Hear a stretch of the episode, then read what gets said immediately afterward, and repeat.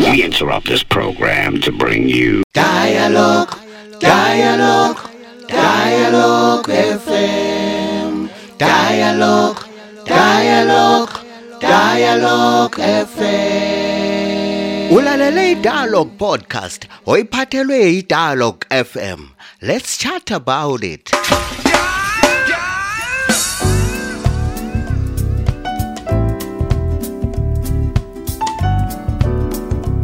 njengobakambi yabokambi yabokambi kuhlangana njalo-ke ku-podcast yakho i-podcast ephakulelwa ke-dialogue fm abangani bakho-ke ngasonke isikhathi-ke. Uma uqala-ke uhlangana lathi uqala kulalela-ke ama-podcasts ethu-ke sithi-ke siyakwamukela emolini yedialogue laphana-ke kulula kakhulu-ke ukuxhumana lathi-ke kutwitter ihandle yakhona ngu-at dialogue fm nxa ufuna ukuhlangana lathi-ke kufacebook ikhasi lethu libizwa ngegama elifana nayo dialogue m. Nxa ufuna ukuhlangana lathi ku-instagram sisebenzisa-ke igama elifana nayo dialogue fm kuwhatsapp kulula kakhulu uyathumela ke umqhafazo wakho khona phana make note ku-0773 284 598 ingamotshi isikhathi ke laphana njengoba la uzazela ke laphana ukuthi i-podcast luhlelo makhaza umotshwa sikhathi ya namhlanje sikhangeleni uyazi ke kuviki kusukela ekuqaleni kweviki edluleyo sesikhangeleke into ezitsheya-tsheyaniyo ke laphana eziphathelane le-covid-19 sikhumbuzana ke laphana ke into ezenzakalayo ezasihlehlayo kuma-lockdown ajolilodwa esingazange sicubungule ukuthi kati lona belusebenza njani. Ngathi abantu bebekuthinta kanenginengi bebekuthinta kanenginengi kodwa ke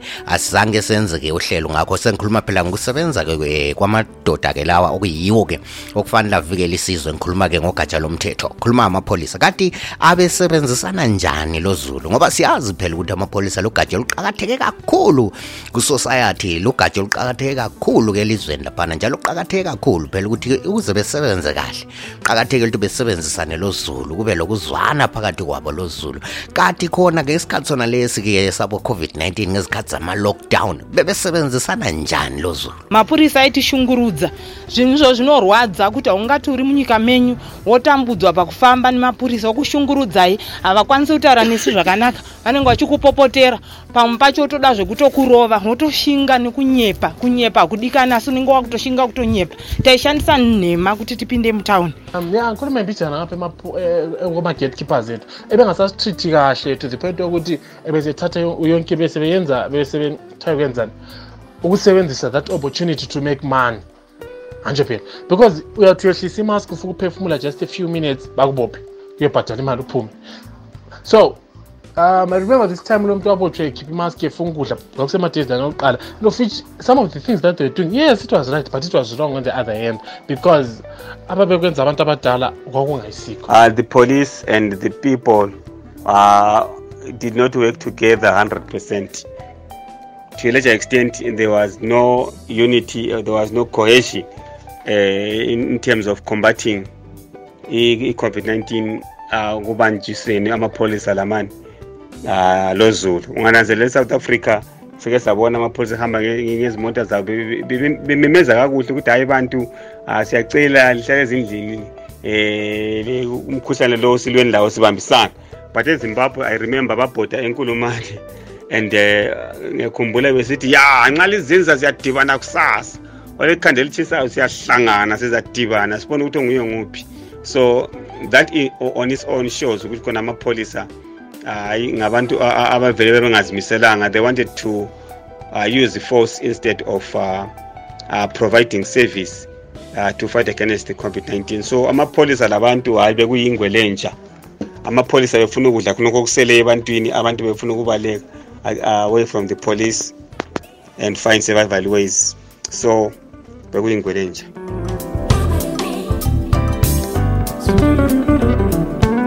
kana maakulaina maakudzoka kumba muri palaini asi mailainiswa makawanda nditi chirwere chewaikwanisa kuchibata uri palaini ipapo. Wapinda mubhazi wakunzi gara apa neapa kure nekure asi uko tandakalaina. Saka zvinhu zvinorwadza izvozvo ndio zvinhu zvinofanira kutariswa nehurumende yedu kuti vatipo kuti tiwanewo mukana wekuti kana tiri kunzi pakutaura tiwanewo nguva yekutaura handiti tisangorambe takabatikana kuti titadze kutaura kuti zvatiri kuitirwa zvakashata toda kusununguka munyika yedu specially pamapurisa ndo pandiri kunyanyochema kuti mapurisa ngaagadzise unhu hwawo unorwadza pakushungurudza vanhu.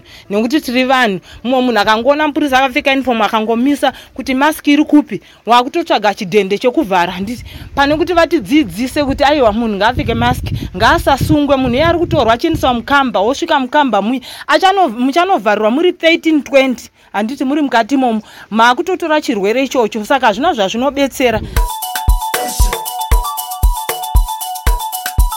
Alo, umadlela lo, nilalile inyazaranda la kobulawayo.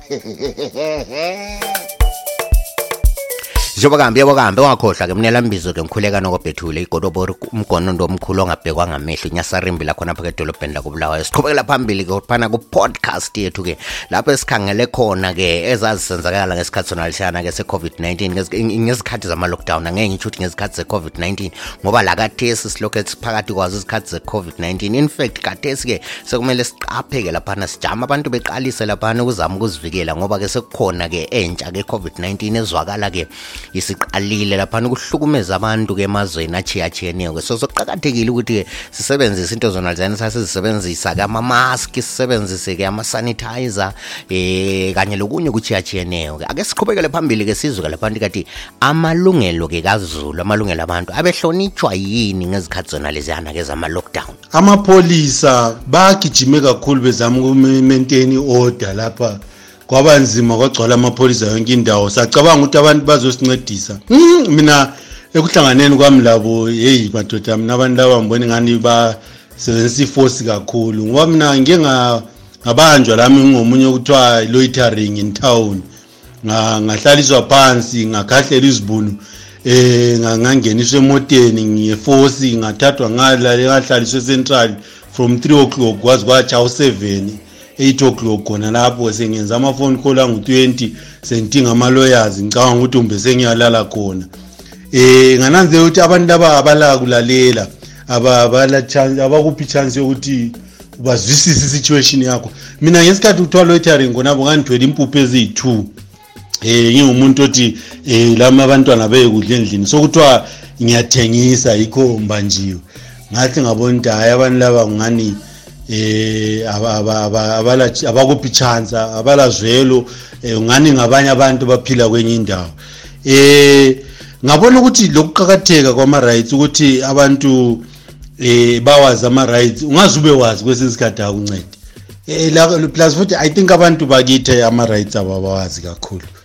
Eh because nga abantu bawazi nga siyimbumba siyasukuma silwe singabantu sibambeni manje uyadiscover ukuthi ngesikhathi uzama uku-express ama-rights akho empoliseni eh abantu babancedisa ipholisa ukuthi eh ka- ka- kashayo lo uyahlanga uyadelela into ezinjalo. Uhle ubona ukuthi hayi abantu ama-rights abawazi. Namapholisa angona ama-rights abantu awazi ngoba abagcina ama-rights abantu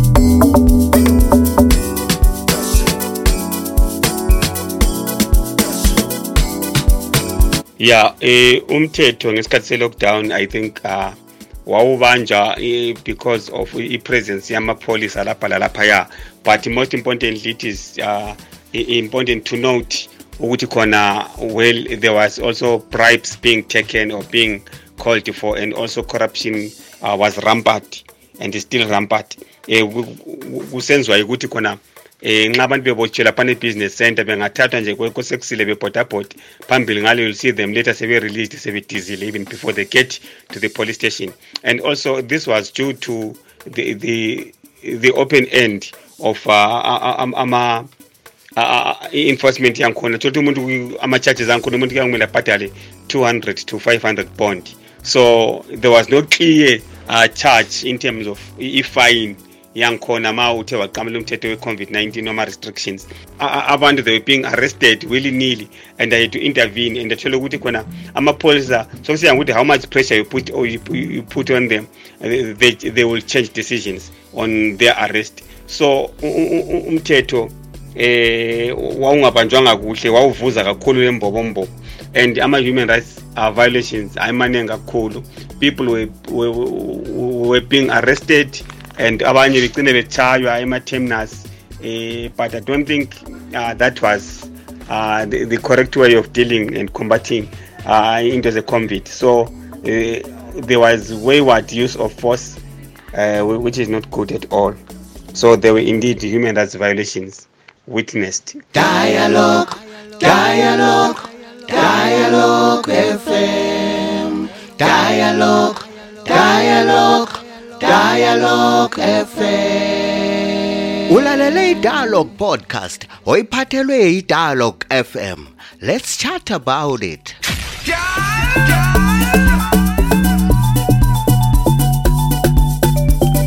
Njengoba kambe njengoba la uzwele khona phana ke la ukhululekile ukuthi ungaphosa ke lakho lizimo ngiqondana la lona lolu daba ke linxa ukhona ke la ufuna ukukwabelana lathi ke kunombolo naliyani lana u-0773284598 sithumele khona phana ke i-voice note eclear uyenze ibe clear phela i-voice note yakho. Ulakho njalo uhlangana lathi kutwitter yendlethu ngu-at dialogue fm ulakho njalo ukuhlangana lathi ku-facebook ikhasi lethu libizwa igama elifana nayo dialogue fm ulakho njalo ukuhlangana lathi ku-instagram sisebenzisa-ke igama elifana nayo udialog fm kusukusela kimi ke nyasarimbi lakhona pedolibheni lakobulawa igodobori umgonondo omkhulu ongabhekwa ngamehlo. Ngithi asiqaliseni ukugqoka amamaski asiqaliseni ukusebenzisa ama-sanitizer? Kusukusela kimi ke ngithubelo suko lomnca sibe sihlangane ku-podcast elandelayo.